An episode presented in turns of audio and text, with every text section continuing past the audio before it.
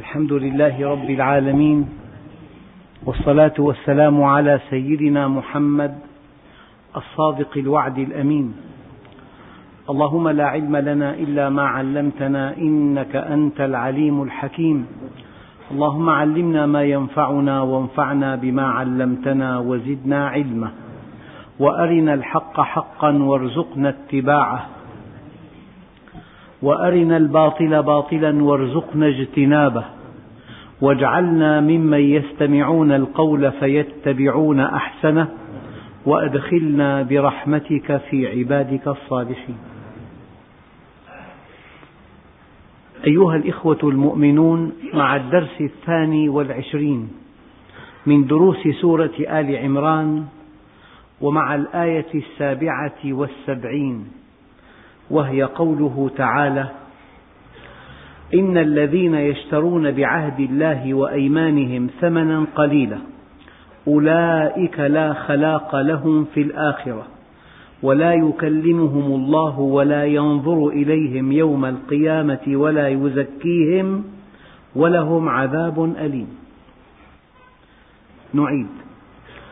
إن الذين يشترون بعهد الله وأيمانهم ثمنا قليلا أولئك لا خلاق لهم في الآخرة ولا يكلمهم الله ولا ينظر إليهم يوم القيامة ولا يزكيهم ولهم عذاب أليم. أيها الإخوة عهد الله أن البشر أخذ عليهم العهد أنه إذا جاءهم رسول مؤيد بالمعجزات ليؤمنن به وليصدقونه. هذا هو العهد الذي أخذ من بني آدم يوم خلقوا. وقد يكون عهدا خاصا أن أهل الكتاب حلفوا أيمانا معظمة أنهم إذا جاء رسول في آخر الزمان وقد ورد عندهم في كتبهم أن هناك نبيا اسمه أحمد سيأتي ليؤمنن به. عهد فطري أو عهد كسبي. وأيمان منعقدة على الإيمان برسول من عند الله. هذا العهد وهذه الأيمان قد يشترى بها ثمنا قليلا. كيف؟ بعض من المسلمين على ضعف منهم. قابلوا أحد أغنياء المدينة وكان من اليهود. يسألونه شيئا فقال لهم أنتم مؤمنون بمحمد عليه الصلاة والسلام؟ قالوا نعم. قال لا شيء لكم عندي. إن كنتم قد آمنتم به. عادوا بعد أيام وقد كفروا بمحمد ليأخذوا من هذا الرجل الثري طعاما وحاجات وما إلى ذلك. طبعا هذه حادثة تتكرر إلى يوم القيامة. هذا الذي يؤذي مسلما لينال شيئا. هذا الذي يقول كلاما غير صحيح. ليصل إلى هدف مادي. هذا الذي يبيع دينه بعرض من الدنيا قليل. هذا الذي يقول بخلاف قناعاته. إرضاء لقوي. هذا الذي ينكر الحق تقربا من غني. هذا الذي يقول الباطل تملقا لإنسان بيده مقاليد الأمور. كل هذه النماذج تنطبق عليهم هذه الحالة. إن الذين يشترون بعهد الله وأيمانهم ثمنا قليلا. القاضي الذي يحكم بخلاف الحق لأن أحد الأطراف أعطاه مبلغا كبيرا. أي إنسان في أي مكان في أي موقع إذا تنكر لمبادئه وقيمه وفعل شيئا نال به مغنما دنيويا فهو ممن تنطبق عليهم هذه الآية. يكفي ألا تصلي أمام أناس تحب ألا يعرفوا أنك تصلي. اشتريت بعهد الله وأيمانك ثمنا قليلا. يكفي أن تذم مؤمنا إرضاء لمنافق. اشتريت بعهد الله وأيمانك ثمنا قليلا. يكفي ألا تنصف مسلما. تتملق به جهة ما. اشتريت بعهد الله وأيمانك ثمنا قليلا. هذه حالة متكررة. أي إنسان يتنكر لقيمه ولمبادئه فقد اشترى بعهد الله وأيمانه ثمنا قليلا. يكفي أن تؤمر واحدا على عشرة. وفيهم من هو أرضى لله من هذا.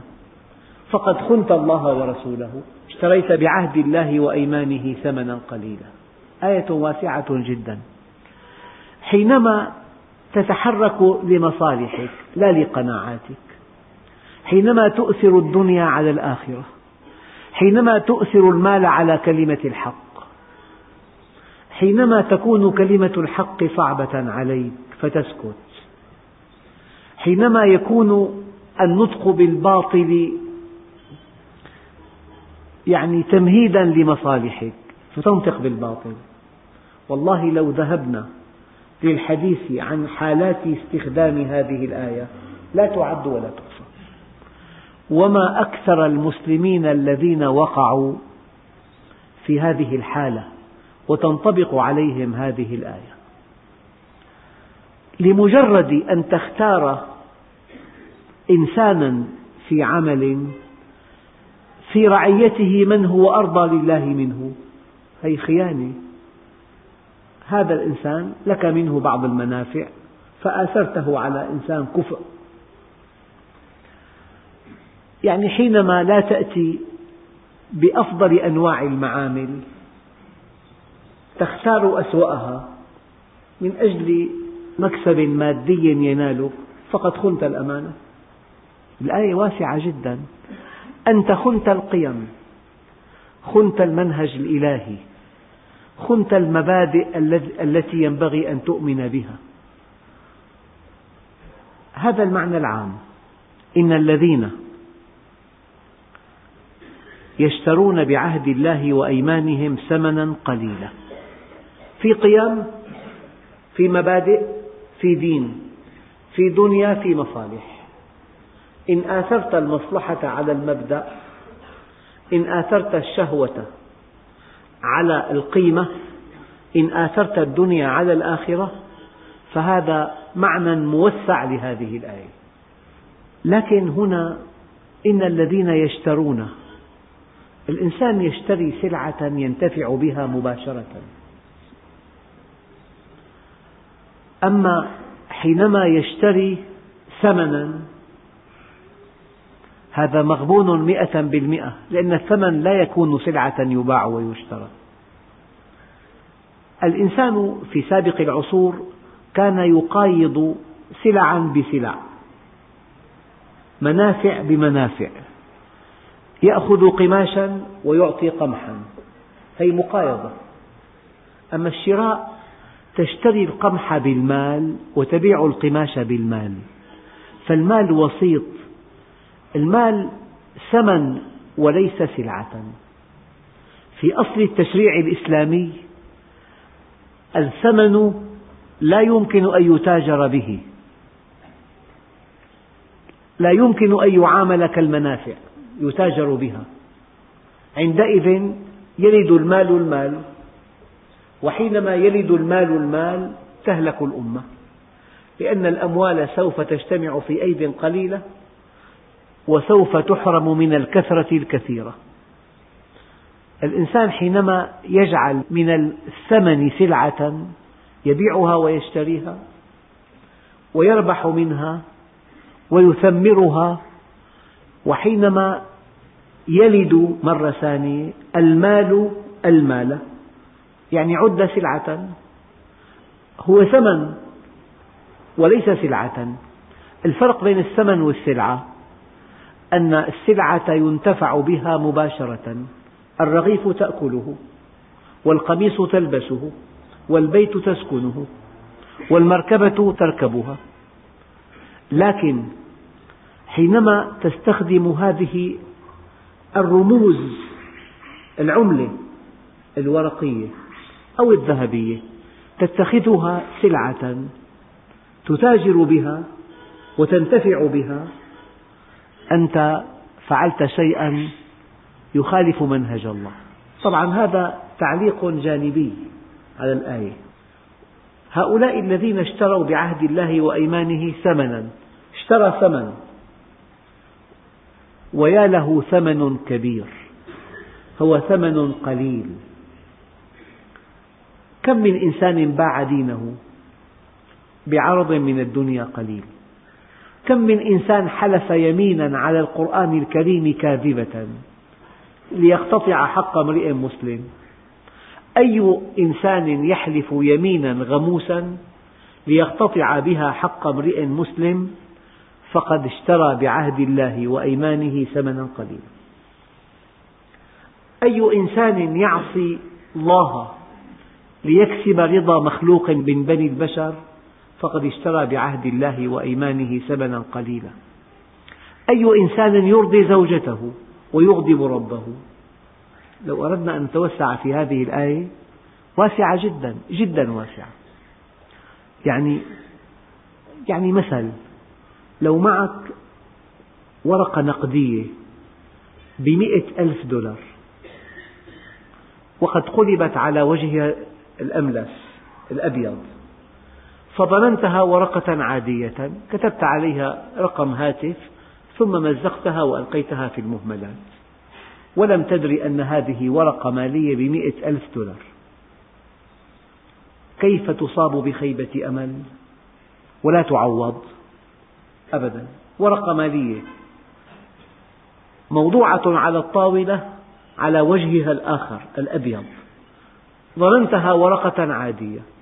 استخدمتها كورقة عادية لا تساوي قرشا واحدا. استخدمتها ثم مزقتها وألقيتها في المهملات. وهي ورقة مالية تحل لك كل مشكلاتك المالية. هذا للتقريب يعني الدين من أجل أن تسعد في الدنيا والآخرة. بعته بمئة ألف ليرة. إذا إنسان حكم بين اثنين وتلقى مبلغا سرا مئة ألف ليرة مقابل أن يحكم بخلاف الحق. الذي يضع يده على المصحف ويحلف يمينا كاذبة من أجل خمسة آلاف ليرة يأخذها كشاهد زور. ماذا فعل هذا؟ اشترى بعهد الله وأيمانه ثمنا قليلا. الأمثلة كثيرة جدا. وأينما تحركت وأينما توجهت تجد مسلمين يشترون بعهد الله وأيمانه ثمنا قليلا. يعني هذا الذي يؤثر متابعة عمل ساقط على حضور مجلس علم. يعني اشترى هذا المجلس بمتعة آنية مثلا. اشترى بعهد الله وإيمانه ثمنا قليلا. طبعا أسباب نزول هذه الآية صارخ. أن هؤلاء كانوا قد آمنوا برسول الله عليه الصلاة والسلام. فلما تضاربت مصالحهم مع إيمانهم تخلوا عن إيمانهم ونطقوا بالكفر من أجل مساعدة تنالهم من هذا الثري في عهد النبي. إن الذين يشترون بعهد الله وأيمانهم ثمنا قليلا. قل متاع الدنيا قليل. لو أنك ملكت الدنيا بأكملها لو أنك ملكت القارات الخمس لو أنك مهيمن على القارات الخمس معا لو أن أموال الدنيا كلها في حوزتك لو أن الدنيا جلبت لك من أطرافها لو أنك وصلت إلى المجد من كل جوانبه وخسرت الآخرة اشتريت بعهد الله وأيمانه ثمنا قليلا. هؤلاء. هؤلاء الذين بلغوا قمم النجاح في الدنيا. نجاح مالي قد يكون نجاح إداري نجاح علمي. وخسروا الآخرة اشتروا بعهد الله وأيمانهم ثمنا قليلا. الدنيا قصيرة. يا أيها الذين آمنوا ما لكم إذا قيل لكم انفروا في سبيل الله إذ ثاقلتم إلى الأرض. أرضيتم بالحياة الدنيا من الآخرة؟ فما متاع الحياة الدنيا في الآخرة إلا قليل. قل متاع الدنيا قليل. هذا الذي لا يلتفت إلى الدين إطلاقا يلتفت إلى بناء نفسه يلتفت إلى كسب المال الوفير ليشتري بيتا مريحا ويقترن بامرأة جذابة. ويتمتع بكل مباهج الدنيا ولا يعبأ لا بكتاب ولا سنة ولا مجلس علم ولا طاعة ولا انضباط ولا التزام ولا سلوك. اشترى بعهد الله وأيمانه ثمنا قليلا. أيها الإخوة إن عرفت الله وفاتتك الدنيا بأكملها فأنت الرابح الأول. وإن ملكت الدنيا بأكملها وفاتتك معرفة الله فأنت الخاسر الأول. أيها الإخوة هذه الآية ينبغي أن تفعل فعلها في نفوس المؤمنين. يعني لا يبيع دينه ولو أعطي أموال الدنيا تحت قدمه. أعرف والله مؤمنا يعني عرض عليه مئة مليون. ظنوا أنه يمتنع عن تسجيل مئة بيت أنشأها وباعها ظن الناس أنه يمتنع عن تسجيلها لهم طمعا بالمال. فلما عرض عليه هذا المبلغ قال لا أنا أخذت حقي وقبضت الثمن وربحت وليس لي عندكم شيء. ما باع دينه بمئة مليون. والله المؤمن لا يبيع دينه ولا بمليار ولا بألف مليار. لأن دينه يعني الأبد يعني سعادة الأبد. أما الدنيا تنتهي عش ما شئت فإنك ميت. هؤلاء الذين كسبوا أموالا بالحرام وسكنوا بيوتا رائعة وعاشوا حياة مترفة وأكلوا وشربوا وتنعموا وسافروا وركبوا أجمل المركبات وسكنوا في أجمل البيوت وطافوا أطراف الدنيا ثم جاءهم الموت ونسوا ربهم. والله سمعت عن إنسان عاش في بلد الحرمين خمسا وثلاثين عاما ما صلى فرض صلاة ولا حج ولا اعتمر وقد جمع ما يزيد عن أربعة آلاف مليون مات بسكتة في فندق في أوروبا في الخامسة والخمسين. هذا اشترى بعهد الله وأيمانه ثمنا قليلا. هذا الذي ينكب على الدنيا ولا يعبأ بالدين ضيع آخرته من أجل الدنيا. يعني هذه الآية واسعة جدا. يمكن أن تفهمها فهما موسعا جدا بعموم القصد وقد تفهمها فهما ضيقا بأسباب النزول. لكن حينما تؤثر الدنيا على الآخرة حينما تكسب من الدنيا وتضيع من الآخرة فأنت ممن تنطبق عليك هذه الآية. يعني هذا الذي يروق له أن يبقى في بيت ليس له. سابقا. وعنده بيت آخر ولا يعبأ بعهده الذي عاهد عليه. اشترى بعهد الله وأيمانه ثمنا قليلا. واحد سمعت هذه القصة. قال لتاجر من تجار البيوت أعندك بيت للأجرة؟ قصة قديمة جدا. قال لا أنا لا أؤجر أنا أبيع فقط. ألح عليه مرتين أو ثلاثة فأجره بيتا كاسدا. قال له عهد الله علي إن طلبته مني لأسلمنه لك في أربع وعشرين ساعة. مضت السنوات وارتفعت أسعار البيوت إلى درجة كبيرة وجاء من يشتري البيت بعشرة أمثال ثمنه السابق.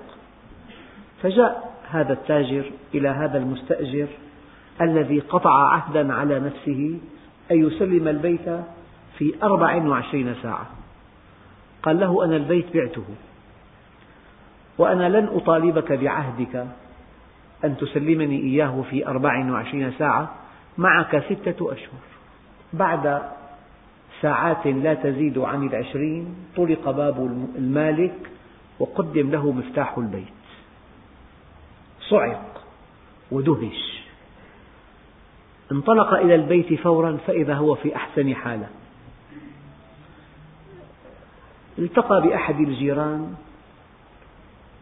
قالوا له كم أخذ منك؟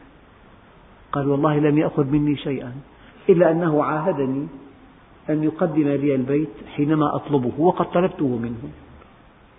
فقالوا لقد باع كل أثاثه بأبخس الأثمان وسكن في الفندق. لو في مسلمين بهذا المستوى لن تجد أزمة سكن في بلادنا إطلاقا. لأنه عهد اشتروا بعهد الله وأيمانهم ثمنا قليلا.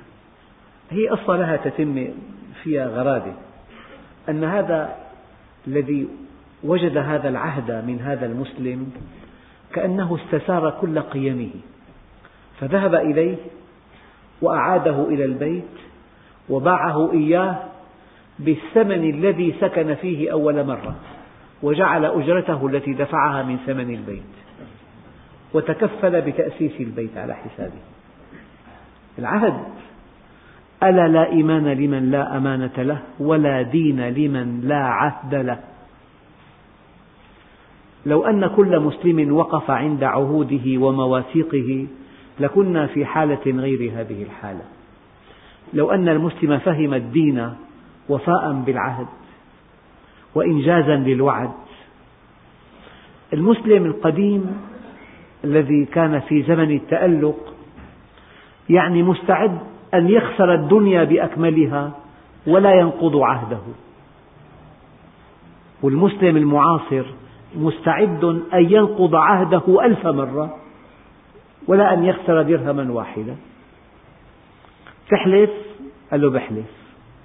شاهد زور. فلما دخل إلى مجلس القاضي رأى مصحفا على الطاولة. قال له القاضي ضع يدك على المصحف. قال له لحظة.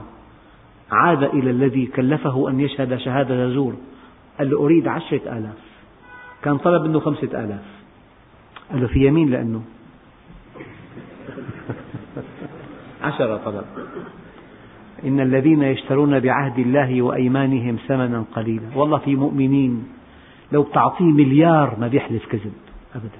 دين هذا. في إنسان قد يكون في أمس الحاجة إلى المال. ويعرض عليه مال وفير تحل به كل مشكلاته لكن هذا المال ليس حلالا يركله بقدمه. الله الغني. حينما تجد مسلمين هكذا لا يستطيع عدو أن يتحدى المسلمين. حينما تجد مسلمين عند عهدهم وعند وعدهم ودينهم أغلى عليهم من حياتهم حينما تجد مسلما لا يمكن أن يخون العهد ولا أن يخلف الوعد لكنا في حالة غير هذه الحالة. لأسبغ الله علينا هيبة. قال عليه الصلاة والسلام نصرت بالرعب مسيرة شهر أما أمته من بعده حينما خانت العهود ونقضت المواثيق هزمت بالرعب مسيرة عام. مسيرة عام. قد تجد بلاد أخرى تتحدى هذه القوة الغاشمة بالعالم تتحدى تصمد تواجه. لكن المؤمن حينما يكون مع الله يكون قويا. أما حينما يعصي الله يضعف مركزه. حينما يخون العهد ويخلف الوعد يصبح خائفا يخاف من ظله. هذه الآية وإن كانت في الأصل تعني أهل الكتاب لكنها تعني كل المسلمين اليوم. تعني كل مسلم. حينما يكون دينك في المكان الأول حينما لا تساوم على دينك ولا على مبادئك. في موقف موقف مرن جدا. لو سئلت عن إنسان وتوهمت أنك إذا ذممته تنال حظوة عند فلان تذمه. وقد يكون الذي تنال عنده الحظوة سيئا فاسقا منحرفا بعيدا عن الدين. يعني الأمثلة لا تعد ولا تحصى. لمجرد أن تقول غير الحق لمجرد أن تسكت عن الحق أن تنطق بالباطل لمجرد أن تحكم حكما جائرا لمصلحة ما. يعني كم إنسان يحكم في أقربائه يكون في خلاف زوجي حينما ينحاز الإنسان لابنته أو حينما ينحاز لأخيه أو لقريبه. انحياز أعمى فقد خان الأمانة. ينبغي ألا تأخذك في الله لومة لائم. إن الذين يشترون بعهد الله وأيمانهم ثمنا قليلا أولئك لا خلاق لهم في الآخرة. أحيانا الثمن قليل بيكون يعني أحيانا من أجل أن تتناول طعام الغداء في مكان جميل لا تصلي. لا يروق لك أن يقال عنك إنك ملتزم. لا تصلي. وقد تجلس على مائدة فيها خمر. طلبا للسلامة. دينك رخيص. إن الذين يشترون بعهد الله وأيمانه ثمنا قليلا أولئك لا خلاق لهم في الآخرة. خلاق أيها الإخوة من الخلق. الخلق ثمن الجنة. أنت في الدنيا تقلد الكرماء تتكرم إلى أن تصبح كريما إلى أن تصبح ذا خلق كريم. يعني تعطي براحة من دون صراع نفسي من دون شد وجذب. هناك تكرم وهناك كرم هناك تحلم وهناك حلم. فالخلق الكريم ثمن الجنة أن تكون عفوا أن تكون متواضعا أن تكون كريما. أن تكون أمينا أن تكون صادقا أن تكون أمينا بلا جهد كريما بلا جهد. أصبح الكرم طبعا من طباعك. أصبح الصدق خلقا ثابتا عندك. تصدق دون أن تدخل في مناقشة مع نفسك. أصدق أو لا أصدق. هي في البدايات. في البدايات في مجاهدة للنفس والهوى. لكن بعد أن تنضج بعد أن تصبح مؤمنا ثابتا تصدق لأنك تحب الصدق. تكون حليما لأنك تحب الحلم. تكون منصفا لأنك تحب العدل. هذا الخلق الكامل الثابت العفوي الفطري هو ثمن الجنة. أما في إنسان ذكي جدا فيكون في موقف يبدو حليما. أما في له مستوى لو استفز أكثر من ذلك لانقلب إلى وحش مخيف. في إنسان يأخذ موقفا لطيفا جدا خارج البيت أما إذا دخل البيت فهو الوحش الكاسر. هذا كله تخلق وليس خلقا. أما ثمن الجنة هو الخلق الحسن. إنما بعثت معلما إنما بعثت لأتمم مكارم الأخلاق. هؤلاء الذين يشترون بعهد الله وأيمانهم ثمنا قليلا هؤلاء خسروا ثمن الجنة. يعني خسروا الجنة. أولئك لا خلاق لهم في الآخرة. لا شيء يمهد لك السبيل لدخول الجنة والتمتع بها إلى أبد الآبدين كأن تكون ذا خلق. أمين صادق عفيف متواضع رحيم. الكمال الإنساني. إذا كان هذا الكمال فيك طبعا مع الثبات والاستمرار. بالبدايات الكمال تصنع. لكن في النهايات الكمال طبع بصير الإنسان له باع طويل في الإيمان. لا يمكن أن يكذب. وحينما يسأل ليس هناك شيء اسمه صراع. أصدق ما أصدق. ألم يقل الله عز وجل وإنك لعلى خلق عظيم؟ على. متمكن من هذه الأخلاق. ثمن الجنة أن تكون الأخلاق الكاملة طبعا ثابتا فيك. هذا ثمن الجنة. فهذا الذي يشتري بعهد الله وأيمانه ثمنا قليلا هذا خسر ثمن الجنة يعني خسر الجنة. أولئك لا خلاق لهم في الآخرة ولا يكلمهم الله. يعني إبعادا لهم عن ذاته العلية.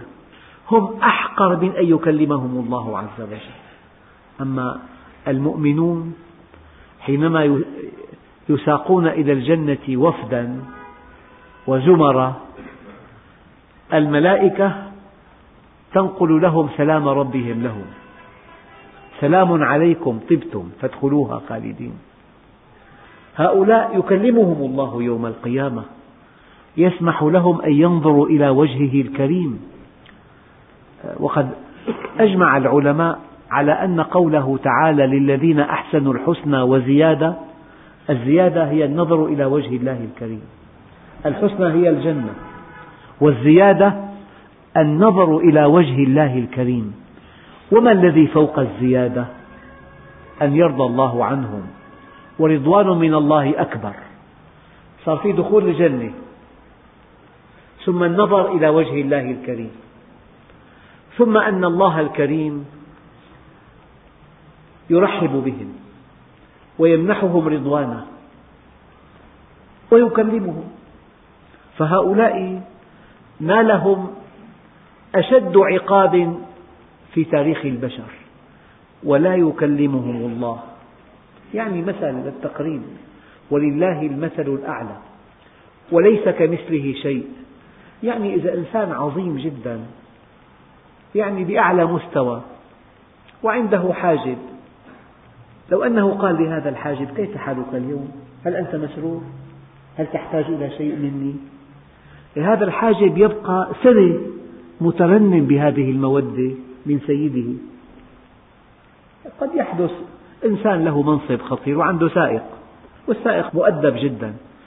يعني هذا السائق حينما يخاطبه سيده بكلام لطيف كيف حالك اليوم يا أبني؟ مسرور؟ أهلك بخير؟ أولادك بخير؟ لازمك شيء؟ مثلا. تلاقي يبقى هذا سملا بهذه الكلمات الطيبة. ولله المثل الأعلى. فكيف إذا كنت في الجنة وخاطبك الله عز وجل؟ كيف إذا كنت في الجنة وسمح الله لك أن تنظر إلى وجهه الكريم؟ في بعض الآثار أن المؤمنين يغيبون عن الوعي خمسين ألف عام من نشوة النظرة. وجوه يومئذ ناظرة. إلى ربها ناظرة. أما الطرف الآخر والعياذ بالله كلا إنهم عن ربهم يومئذ لمحجوبون. كلا إنهم عن ربهم يومئذ لمحجوبون. والله أيها الإخوة في عنا قصص كثيرة في القرآن. سيدنا إبراهيم وهو في النار كان في قمة السعادة لأنه حظي السكينة وجدها إبراهيم في النار. وجدها أهل الكهف في الكهف. تركوا الدور والقصور ولجأوا إلى الكهف. فأووا إلى الكهف. ينشر لكم ربكم من رحمته ويهيئ لكم من أمركم مرفقا وكل واحد مؤمن. إذا لجأ إلى بيت الله وجلس يحضر درس علم ذهب إلى بيته والتقى بأولاده وكان مع الله. قد يكون بيت صغير. ضيق بعيد. ما في مرافق عالية ما في أجهزة كهربائية بس في اتصال بالله في أنس بالله في رضوان من الله. قد يتجلى الله على بيت متواضع على سكان بيت متواضع وقد لا يتجلى على سكان بيت فخم جدا. الأولون في سعادة ما بعدها سعادة والآخرون في شقاء ما بعده شقاء. ولا يكلمهم الله ولا ينظر إليهم يوم القيامة ولا يزكيهم لا يطهرهم من أدناسهم. لو أنهم أقبلوا عليه لطهرهم. لو أنهم أقبلوا عليه لنمى إمكاناتهم. أعطاهم من عنده شيئا كثيرا. لو أنهم أقبلوا عليه لقربهم. أولئك لا خلاق لهم في الآخرة ولا يكلمهم الله ولا ينظر إليهم يوم القيامة ولا يزكيهم. قال له واحد لسيدنا عمر كان عمر لا يحبه. قال له أتحبني؟ قال له والله لا أحبك. ما بدها مجاملة يعني صريح. قال له هل يمنعك بغضك لي من أن تعطيني حقي؟ قال له لا والله حقك واصل. فقال هذا الإنسان السفيه إنما يأسف على الحب النساء. ما دام حقي واصلني لا تهمني محبتك. هكذا. لك ما تريد. هون قد يقول واحد إيه، لا يكلمهم الله ولا ينظر إليهم يوم القيامة ولا يزكيهم. خير إن شاء الله. كمل ولهم عذاب أليم بس. ما بينفذ إذا كان زاهدا بالكلام إذا كان زاهدا بالقرب إذا كان زاهدا بالنظر إذا كان زاهدا بالتزكية لكن له عذاب أليم ولهم عذاب أليم. بربك من هو الناجح في الحياة؟ من هو الذكي؟ من هو العاقل؟ من هو المتفوق؟ من هو الموفق؟ من هو الفالح؟ من هو الذي له يوم القيامة مقام عند الله؟ إن المتقين في جنات ونهر. في مقعد صدق عند مليك مقتدر. هؤلاء الذين لهم عند الله حظوة هم الأذكياء هم ملوك الدار الآخرة. هؤلاء الذين لهم عند الله مكانة ورفعة. هؤلاء الناجحون. لذلك دخل على رسول الله يعني صحابي فقير جدا وقف له النبي ورحب به. ترحيب غير معقول. قال له أهلا بمن خبرني جبريل بقدومه. قال أومثلي من أنا؟ قال له يا أخي خامل في الأرض علم في السماء. قد يكون إنسان ضارب آلة كاتبة بدائرة. قد يكون حاجب. والله مرة كنت في مؤتمر. يعني مؤتمر من أرقى الإقامة بأرقى فندق في البلد في بلد المغرب. سمعت مع صلاة الفجر آذن أو عامل حديقة يصلي الفجر بصوت ندي والله شعرت أن هذا الذي يصلي بصوت ندي ويتلو كتاب الله ويتغنى به في الصلاة. والله قد تكون قلامة ظفره خيرا من كل من في الفندق. مقاييس الله غير مقاييسنا. نحن عندنا مقاييس المال. والمراتب الاجتماعية. هلأ الواحد يقول لك أنا بيفتخر بمتاع الدنيا فقط. قد يفتخر برقم على مركبته. 600 مو 280 مثلا. غير 600 هي فرضا. قد يفتخر بمنطقة سكنه. يقول لك غربي المالكي. مو بالمالكي قديم المالكي صار. غربي المالكي مثلا. هلأ كفر سوسي كمان بيقول لك. نعم. من تخلف المسلمين يفتخرون بمتاع الدنيا فقط. مكانته من نوع بدلته. بيير كاردان خلاص. مكانته من حذائه فقط. هذا حال المسلمين اليوم. أما أن نفتخر بمعرفتنا بالله بطاعتنا له بالمال الحلال الذي نكسبه فقط الحرام يركل بقدمنا نعم أذن. أيها الإخوة هذه الآية يحتاج المسلمون إلى فهمها فهما دقيقا وإلى العمل بها أيما حاجة فالدين هو الأول والمبادئ هي الأولى والقيم هي الأولى. وأي شيء على حساب مبادئك ودينك ينبغي أن تركله بقدمك وما ترك عبد شيئا لله إلا عوضه الله خيرا منه في دينه ودنياه.